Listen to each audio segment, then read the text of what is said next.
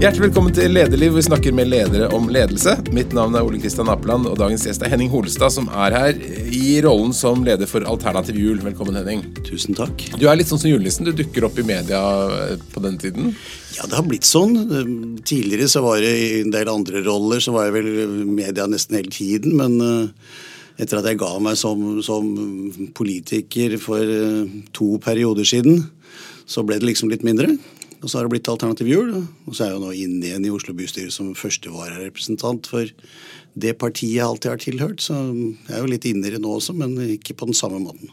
Og så har du du driver jo en del business. Ser, du, du var styreleder i var det 18 selskaper, tror jeg? Ja, Det er vel ikke alle av de som er like aktive, men ja da. altså Jeg har jo vært næringslivsperson og leder hele livet. Altså både på, på gründertenkningen og på det å drive ting og sette i gang ting og ha ideer og kreativitet. som Noe har gått bra, noe har gått på, klart på trynet.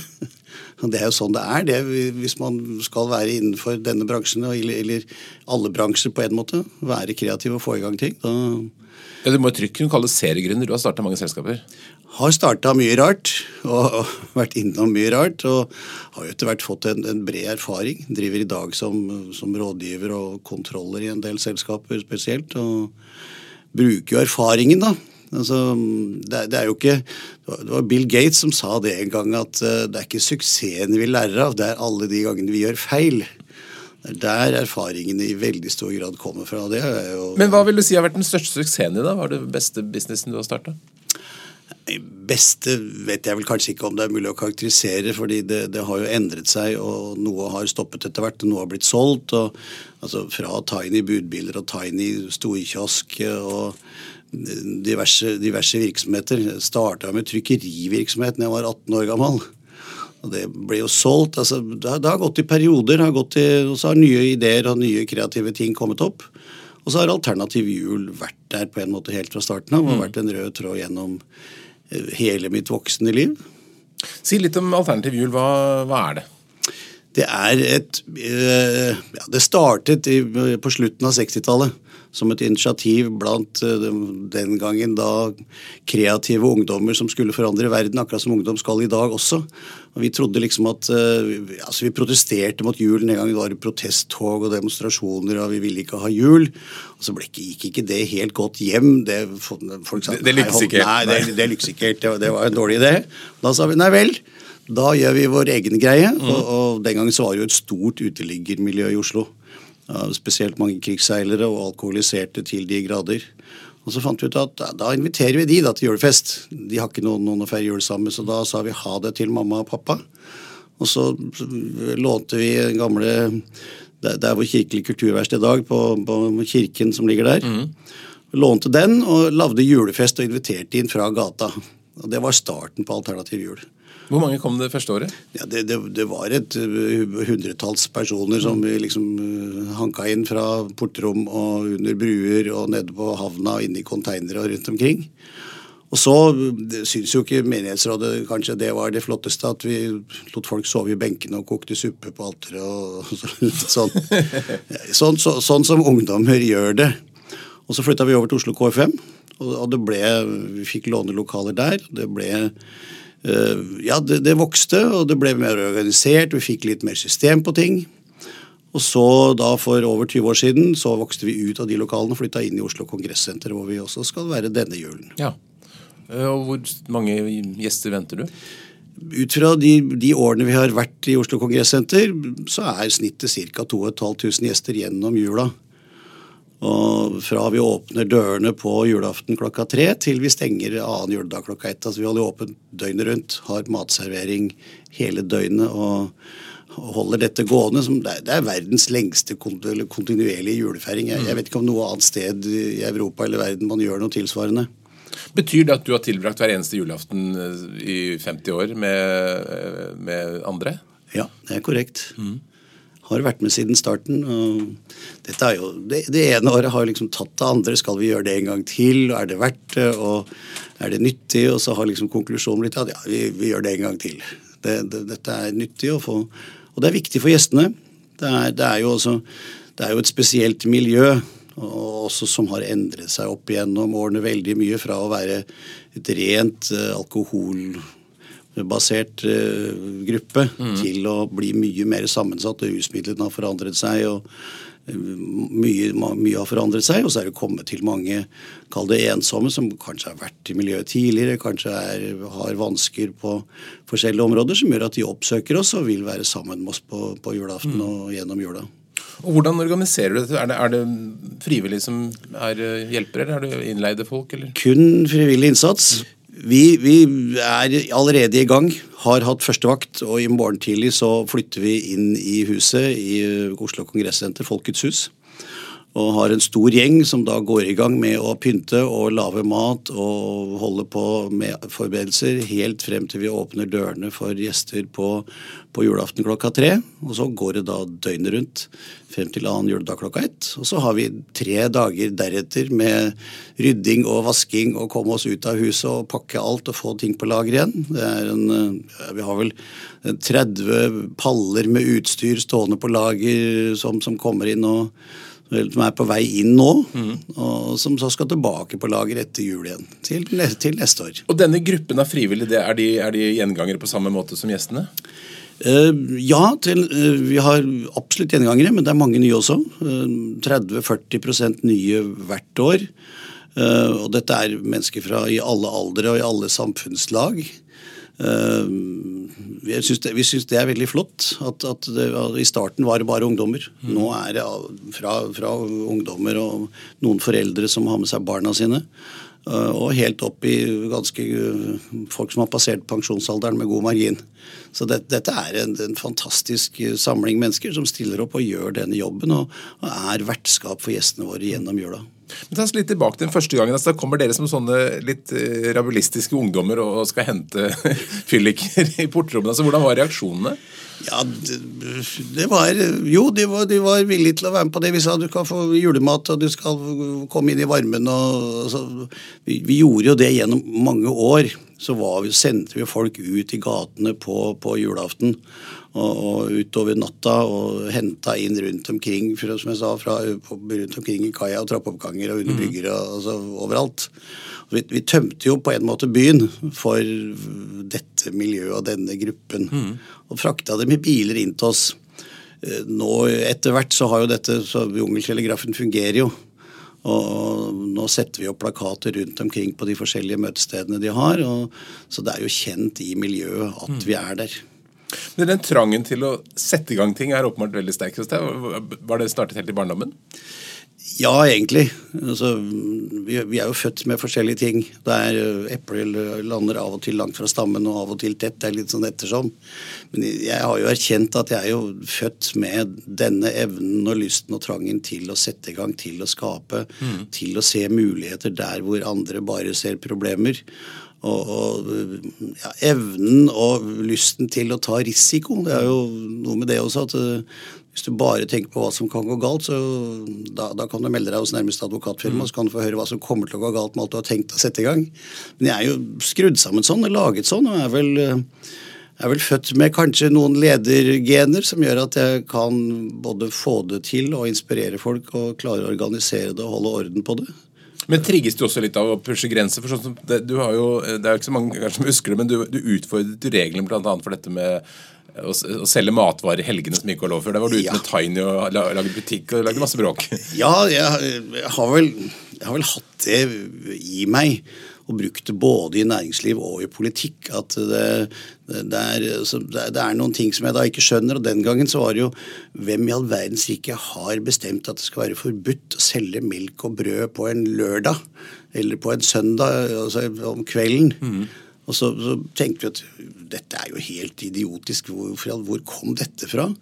Kan vi ikke bare gjøre det da? Og så så vi jo at reglene sa at det er forbudt å selge matvarer et, etter klokken 17 osv.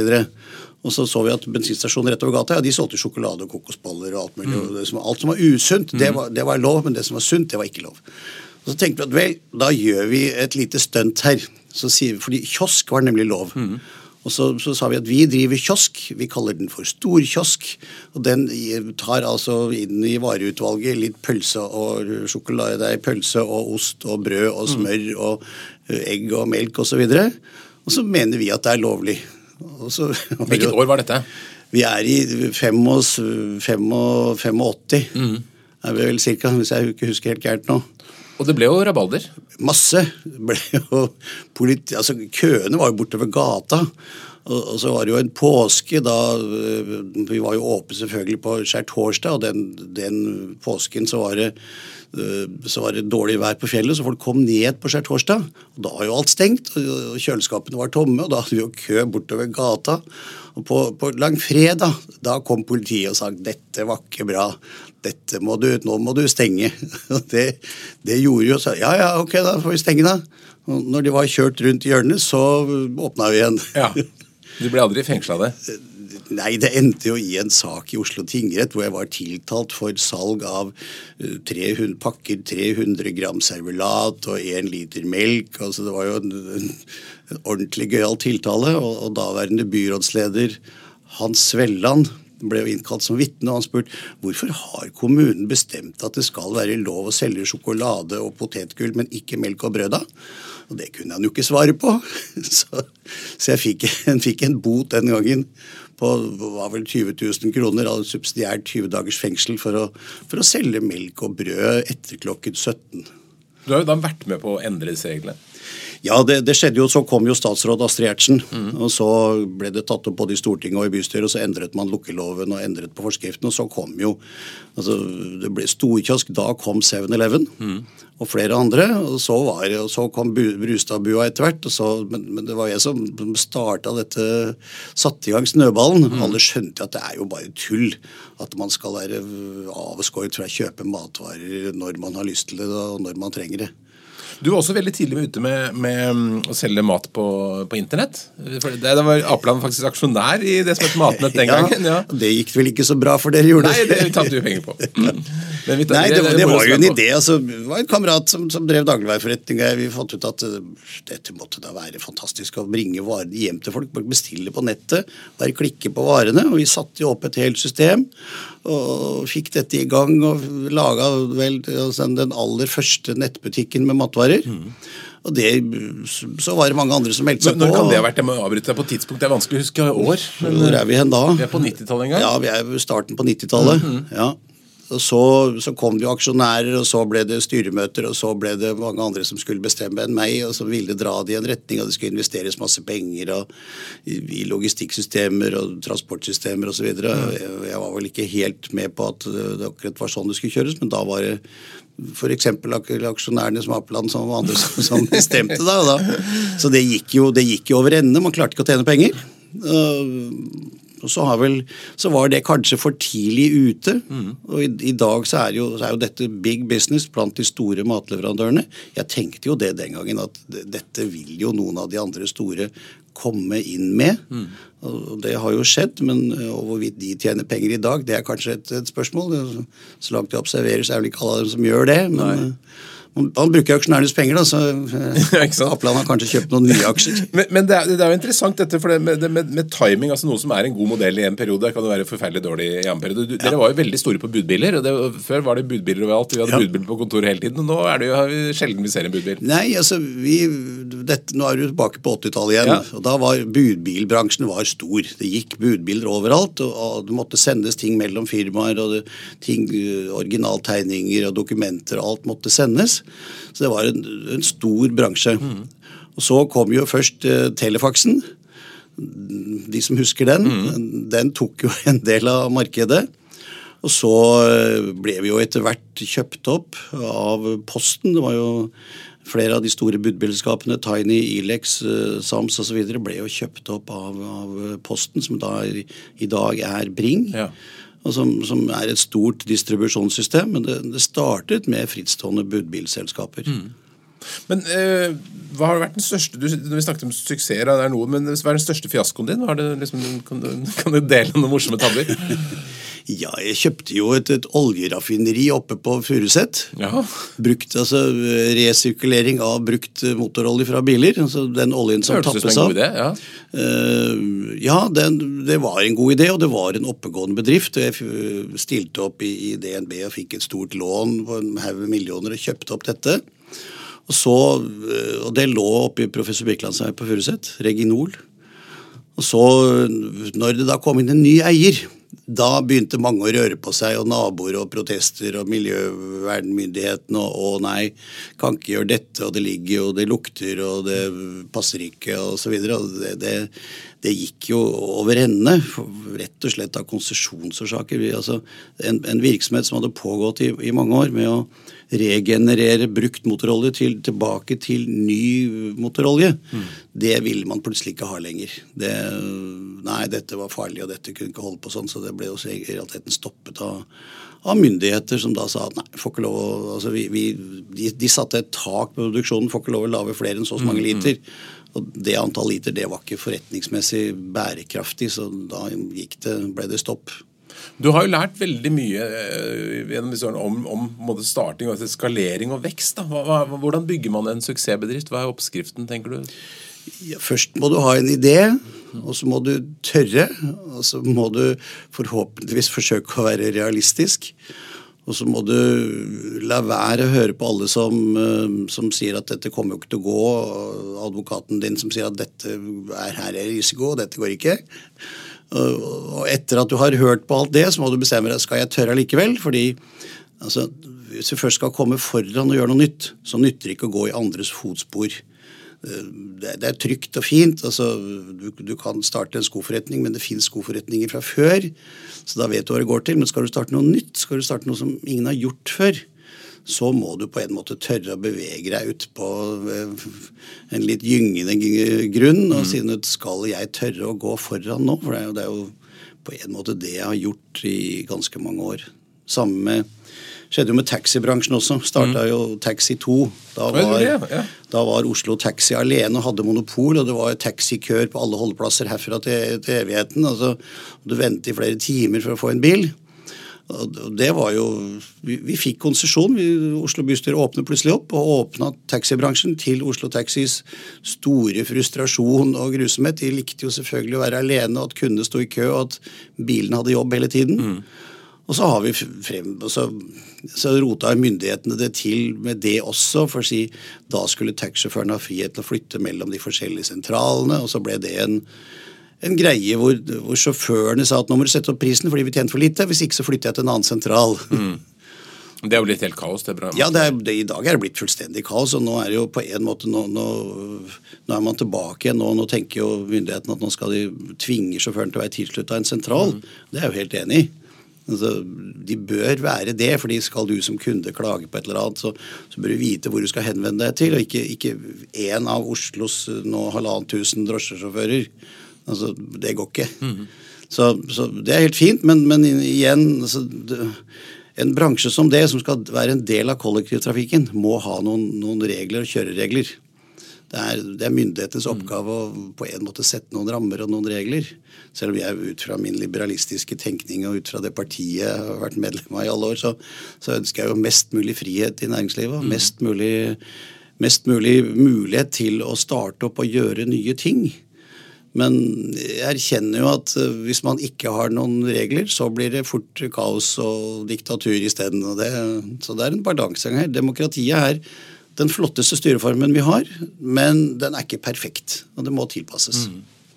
Du har jo også brukt mye tid i politikken for Fremskrittspartiet. Hvilke saker er det som har engasjert deg mest der? Jeg har vel egentlig vært innom de aller fleste saker, men det har jo klart at det har vært næringspolitikk og finanspolitikk. og og for så vidt også helse og sosial, kombinert med et, med et sosialt engasjement. Jeg var jo leder av, av bystyrets helse- og sosialkomité i en periode. Og, og, har vært gruppeleder og som sittet i finans, det som heter Finansutvalget nå, som var mm. finanskomiteen tidligere, gjennom ganske mange år. Fikk gjennom uh, mange budsjetter. Uh, altså dagens oh, Nå sitter vi jo rett i nærheten av operaen. Mm. Eh, det var jo en stor sak hvor vi lagde budsjettforlik med Arbeiderpartiet. fordi eh, de ville absolutt ha opera. Frp ville ikke ha opera. Ref. Carl I. Hagen. Mm. og, og, mens, men de sa fordi hvis vi, ikke, hvis vi ikke får opera, så vi noe, kan vi ikke få vekk trafikken, og vi får ikke noe tunnel. For da var vi ønsket å ha tunnel, og det ville jo Frp ha. så da da ble vi klokka halv tre om natta så tror jeg vi lagde et forlik med Arbeiderpartiet hvor vi sa at greit, vi eh, stemmer for regulering av operatomta. Dere aksepterer at, eh, at, det kommer vei. Vi vil ha vei, vi vil ha tunnel under. Mm. Så da får vi i gang det. Så hadde det ikke vært for det forliket mellom Arbeiderpartiet og Frp, så hadde det nok gått enda mye lenger før vi hadde fått operatunnelen. Mm. At operaen ble plassert der den var, det, ja ja, den har jo blitt flott. En, en ja. suksess, men, men, Frp vil altså ikke ha den i starten. De syns at nei, det blir for dyrt. Det er litt mer delte meninger om Munch-museet. Er du medskyldig der, eller? Der er jeg ikke medskyldig. Det kom, det kom etter, det kom seinere. ja, jeg var jo jo, jeg var inne i diskusjonen, fordi den startet jo mens jeg var politiker. Med hva skal vi gjøre med Tøyen? Og Høyre ville ha Munch-museet på på Vestbanetomta, og Arbeiderpartiet ville ha det på, på Tøyen. Mm. og Så endte det altså opp der det, der det ble. og det, det er vel blitt en spesiell bygning. Hvorvidt den er veldig pen, det kan jo, kan jo diskuteres, men den, den, den, fungerer vel flott mm. med det som er inni.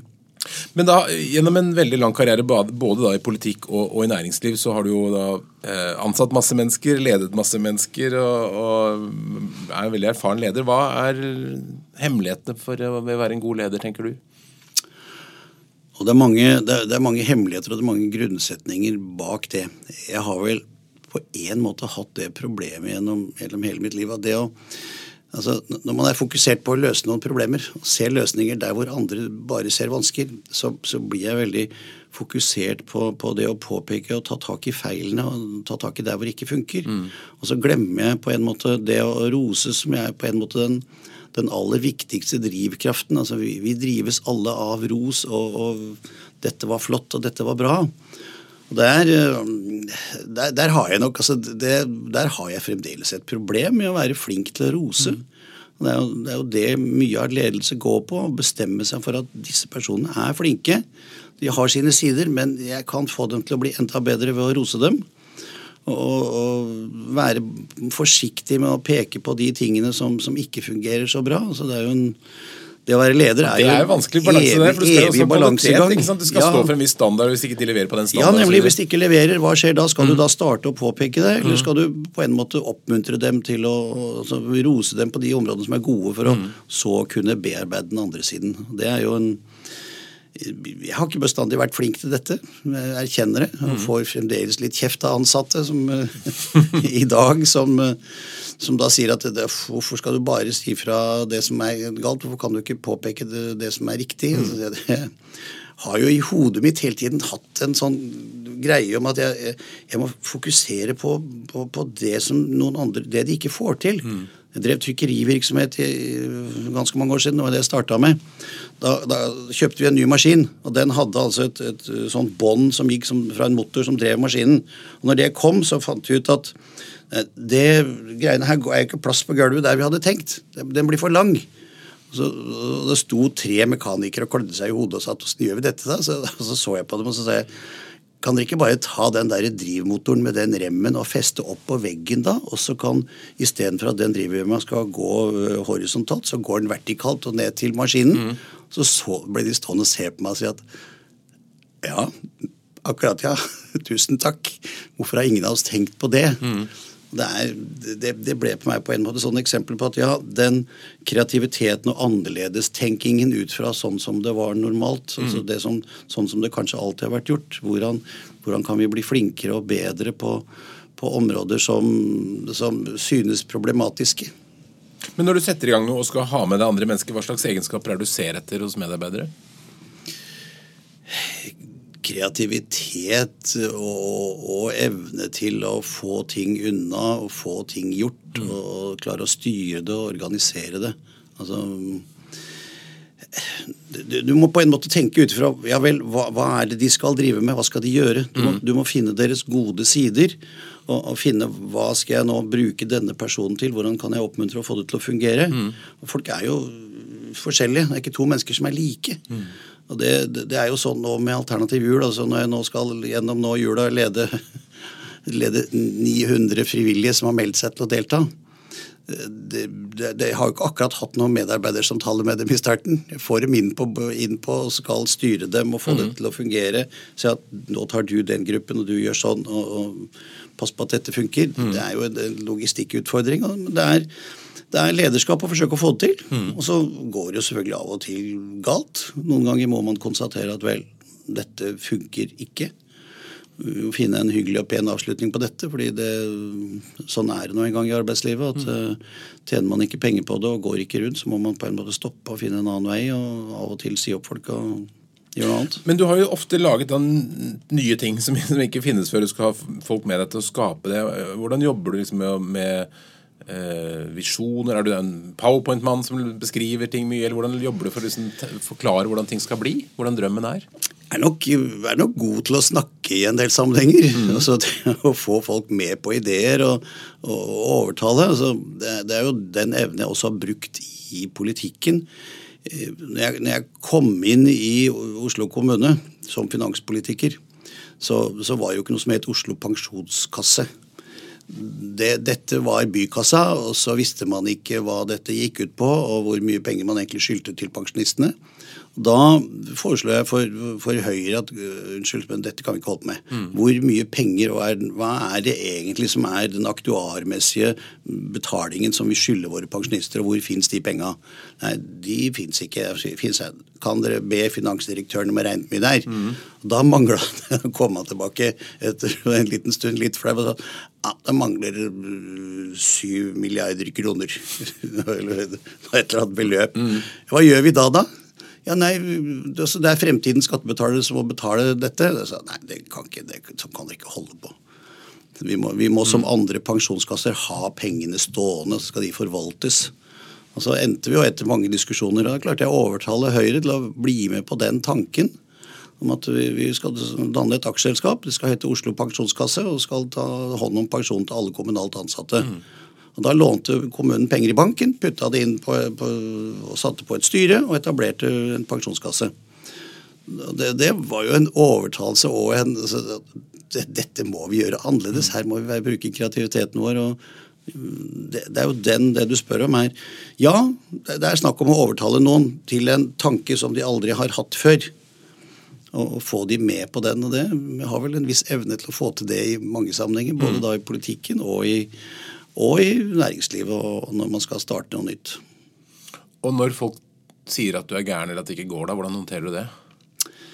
Jeg må jo la det gå en Må sette meg ned et øyeblikk, jeg også. Eller altså si at ok, da får jeg, skal jeg tenke gjennom en gang til. Mm. Og ta veie argumentene dine og si er det, har du faktisk rett. Altså, det er ikke noe ønske å gå på en smell. Selv om jeg har nok gjort det en god del ganger. Men, mm. men uh, klart ikke. Må, må tenke gjennom. Men, men hvis, hvis, jeg opplever at nei, argumentene er ikke vektige nok, dette tror jeg at skal kunne fungere pga. sånn og sånn og sånn. Altså, mm. det, det, er jo bare en veiing mm. på, den ene, på, den ene, siden og på den andre siden. ikke sant? Så hva kan gå galt her? Tør vi å ta risikoen? Tåler vi det hvis det går galt? På hvilken måte er du annerledes nå som leder enn du var da du ledet folk første gangen? Har fått litt erfaring, da. Ja, og Hva har den gjort med deg? den har jo gjort at jeg er i stand til å på, på, på, mye tidligere og på en bedre måte se hva det er som ikke går. Mm. Hva det er som, som ikke vil fungere. og si at eh, jeg, jeg, er jo nå rådgiver for en del selskaper og peker på og sier at hallo, det greiene der det kommer ikke til å funke. Mm. Og så blir de forundret kanskje. Hvorfor ikke det? da? Nei, pga sånn og sånn og sånn. og sånn. Altså, der er det, De kan peke på det og si at unnskyld, jeg har vært med på dette før. Mm. I, i, i, litt annen form, men, men det, er, det, er, samme tenkning, det er samme greiene. Dere, dette må dere endre på, hvis ikke så kommer det til å smelle et eller annet sted på et eller annet punkt. Men i måten å lede på og håndtere folk på, hvordan har du forandret det der? Jeg er vel kanskje ikke så Jeg er nok den samme personen fremdeles, mm. men, men, forsøker å ta ta inn over meg at ja, jeg, jeg, må bli flinkere på de områdene hvor jeg i starten ikke har vært god. Mm. Og forsøke å, å si mer hurra og, og, rose. Det er vel det er på en måte der det veldig stor grad går. Mm. Men selvfølgelig også evnen til å organisere, sette folk til riktige oppgaver, bli bedre menneskekjenner. Tørre å si stopp når, når det er nødvendig. Og si at sorry, men dette, dette går ikke. Mm. Og samtidig hyre folk på Jeg fikk jo en del kjeft gjennom en del år for å ansette folk etter en, etter en middag og en, altså, fordi, var, fordi, mavefølelsen sa meg at den personen er riktig. Det har jeg veldig god erfaring med. Jeg har gjort mange ganger. ja, ja altså, du, du, møter en person og sier at 'dette er riktig'. Deg vil vi ha med på laget. Og, og, har du god erfaring med det?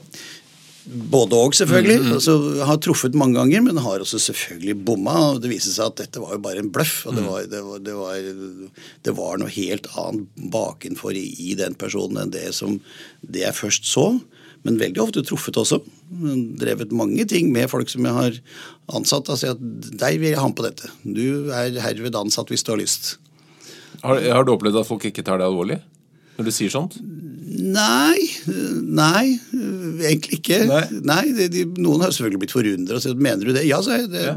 Hvis du vil yte maks innsats her, mm. bli med på dette. Mm. Så, så, er du hermed med på laget. Jeg tror på deg. Mm. Og hvis det skulle vise sier jeg også det, også, hvis det skulle vise seg etter en måned at du, det, du slett ikke fungerer, så får vi ta en ny diskusjon. Så får vi finne ut hva vi gjør da. Men sånn som jeg opplever det nå, ja, dette, du blir med på, det, på dette greiene her. og det, Jeg fikk jo kjeft av en del andre ansatte for å si at du kan ikke gjøre sånt. Du må jo gjennomføre mer prosesser. Altså, ja, jo, jeg hører hva du sier, men uh, det er ikke alltid man skal det. Men da, så jeg forstår deg, så Mye av tiden din nå går for å gi råd til andre selskaper? eller ulike selskaper? Ja, jeg, jeg driver jo også ting. Ja. Driver et bilskadeverksted og syns det, det er moro å holde på nede i, nede i detaljer også. Ja. Altså, det, er, det, er, sånn med alt næringsliv. Djevelen bor egentlig i detaljene. Er, altså hvis, du, hvis, du, glipper på detaljene, det er jo der mange ledere tror jeg bommer. fordi de, de, skjønner, de sitter på toppen og de skjønner ikke at, at hvis det svikter nede på lageret, at han kameraten der sover i en krok og det ikke, ikke kommer ut, mm. da skjer det noe, det er et eller annet som foregår. Så, så, det å ha overblikk og være nede i detaljene og det å da i dag å drive et bilverksted også ved siden av alt annet jeg gjør, det og Det er lett å si kontroll over detaljene hvis man driver én liten virksomhet, men du har en stor virksomhet, eller det er mange som snur. Hva, hva gjør du for å liksom ha kontroll over detaljene? Jeg bruker litt flere timer i døgnet enn åtte. Mm. Altså min, min arbeidsdag starter altså jeg er opp klokka halv fem om morgenen. Mm. Og jeg jo, legger meg nok litt tidligere enn de fleste, men, men det, er jo, det, er jo, kvelder og helger og ting som går mm. med til å men Er du sånn som er, er veldig nøye på regnskaper, eller fyller rundt og prater med folk? Oh, yes, jeg følger, kan tall. Altså, kan tall. Ja, ja, ja. Altså, jeg, jeg, skulle bare ønske at vi på, på 90-tallet hadde de regnskapsprogrammene som vi i dag har. Mm altså hvor, hvor, alt nå går elektronisk, og biler går rett inn, og du har EOF-fakturaer, og det kommer inn, og du kan følge regnskapet mm. fra, fra, time til time og dag til dag og brukes som et verktøy. Det hadde vi jo ikke den gangen når vi, når vi starta på, på, på 90-tallet. Mm. Altså, skulle ønske vi hadde det.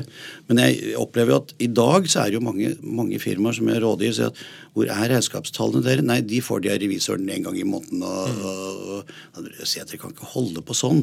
Dere må jo bruke regnskap som verktøy og skjønne hva det er som foregår. Dere må ha det oppdatert kontinuerlig. Hver dag, hver time. Mm. Så må jo regnskapet være der. Det er dette dere skal styre etter. Du må se resultatet. Det du gjorde i går, skal være forplanta i regnskapet i dag.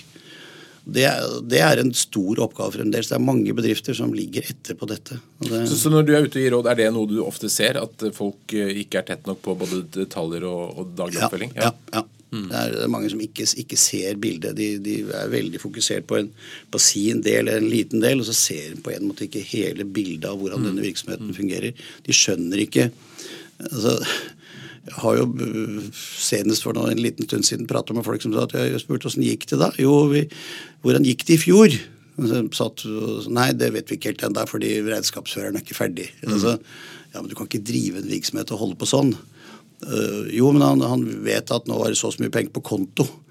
Ja, det er fint, men det er ikke sikkert det er synonymt med hva du har tjent eller tapt. På ingen måte. Så her, her er det mye læring i næringslivet fremdeles. Og også prøve å se fremover, ikke minst. Da, hvordan det ser ut rundt neste sving. Ja, selvfølgelig. Legge en plan. altså Hva gikk galt i fjor? Skal vi gjøre den samme greia i år, eller skal vi prøve å gjøre det annerledes og korrigere og få det til? Så um, er det andre ting som små virksomheter gjerne gjør feil, annet enn å ikke følge med på pengene? det er jo, også I næringslivet kan det meste gå galt. Mm. Det, er, det, er, det, er, altså, det, er, Murphys lov. Alt som, som, går galt, vil gå Eller mm. kan gå galt, vil gå galt. Ja. Mm. Det er jo det å drive, drive, butikk er en kontinuerlig oppfølging, og det er tusen detaljer, og det er masse å passe på. Mm. og Myndighetene har blitt flinkere og flinkere. Altså, jeg bruker jo stor del bare på altså Hvor mye timer jeg bruker bare på å besvare banker nå på deres spørsmål om hvitvasking. Mm. Det er ganske mange, det er mange bedrifter som sitter og sliter med dette. Det kommer en mm. melding fra banken.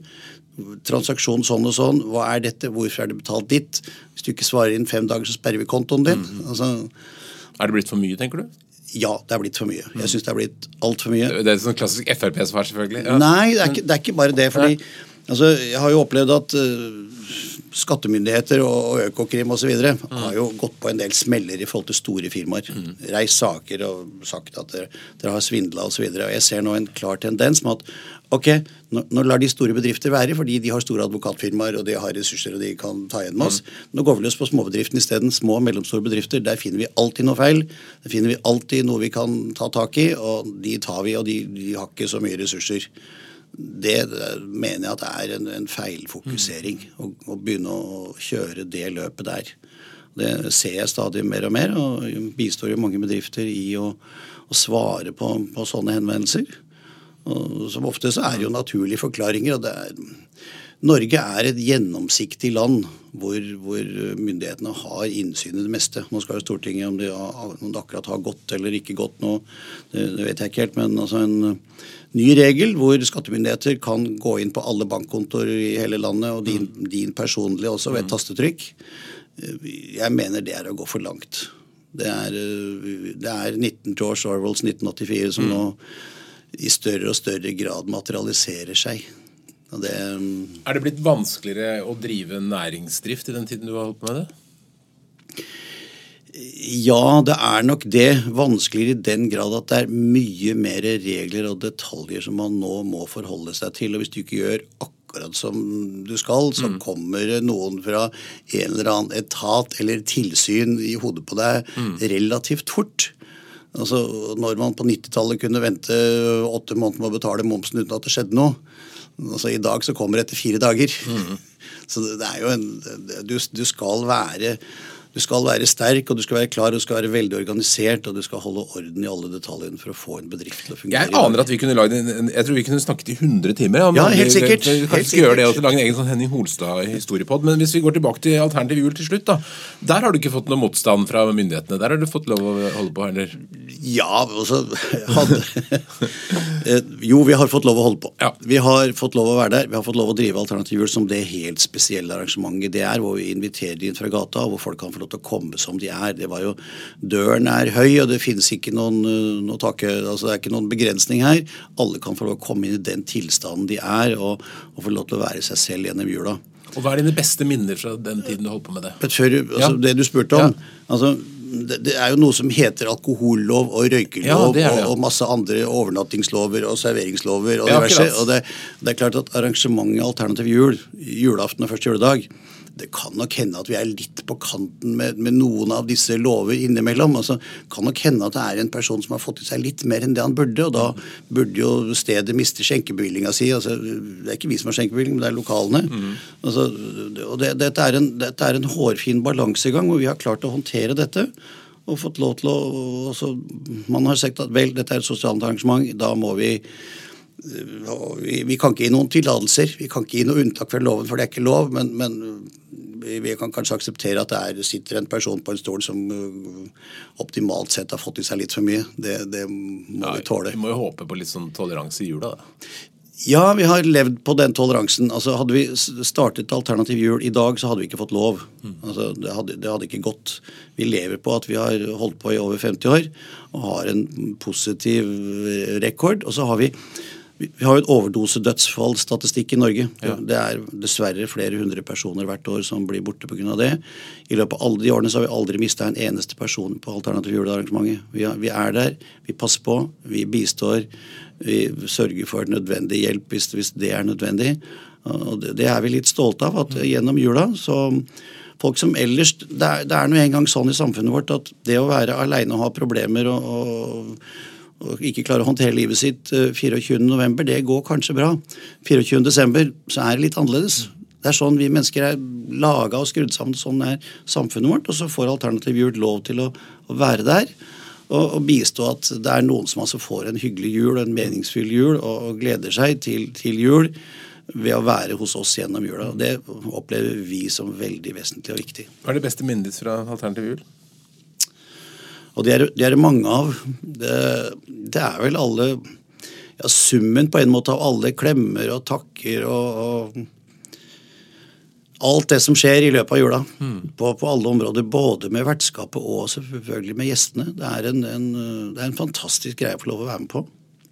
Jeg gleder meg til det hver jul. Mm. Selv om jeg også på den andre siden det, det er tøft å gå løs på det. Det er, en, det er, en, kraftig jobb. Det krever veldig mye av meg. Trekker massevis av energi. Men, men gleden ved å gjøre det, det, det, har vært vesentlig, og det er meg. Mm. Virker som det er en del energi der fortsatt. da.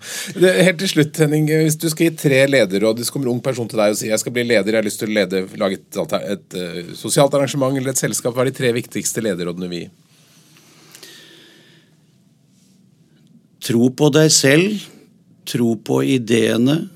Øh, sørg for at du har styring på mest mulig detaljer.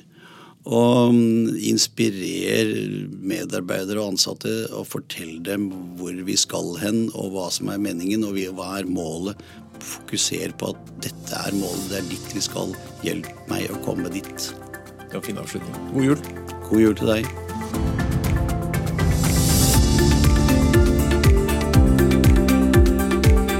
Lederliv er en podkast fra Apeland. Redaksjonen består av Ingrid Hogneland, Johanna Eidsvoll, Lars Jarli Melum og meg som heter Ole Kristian Apeland. Og du er hjertelig velkommen til å sende ros, ris, tips om ledere eller hva du måtte ønske til ole.apeland.no. Takk for at du lytter.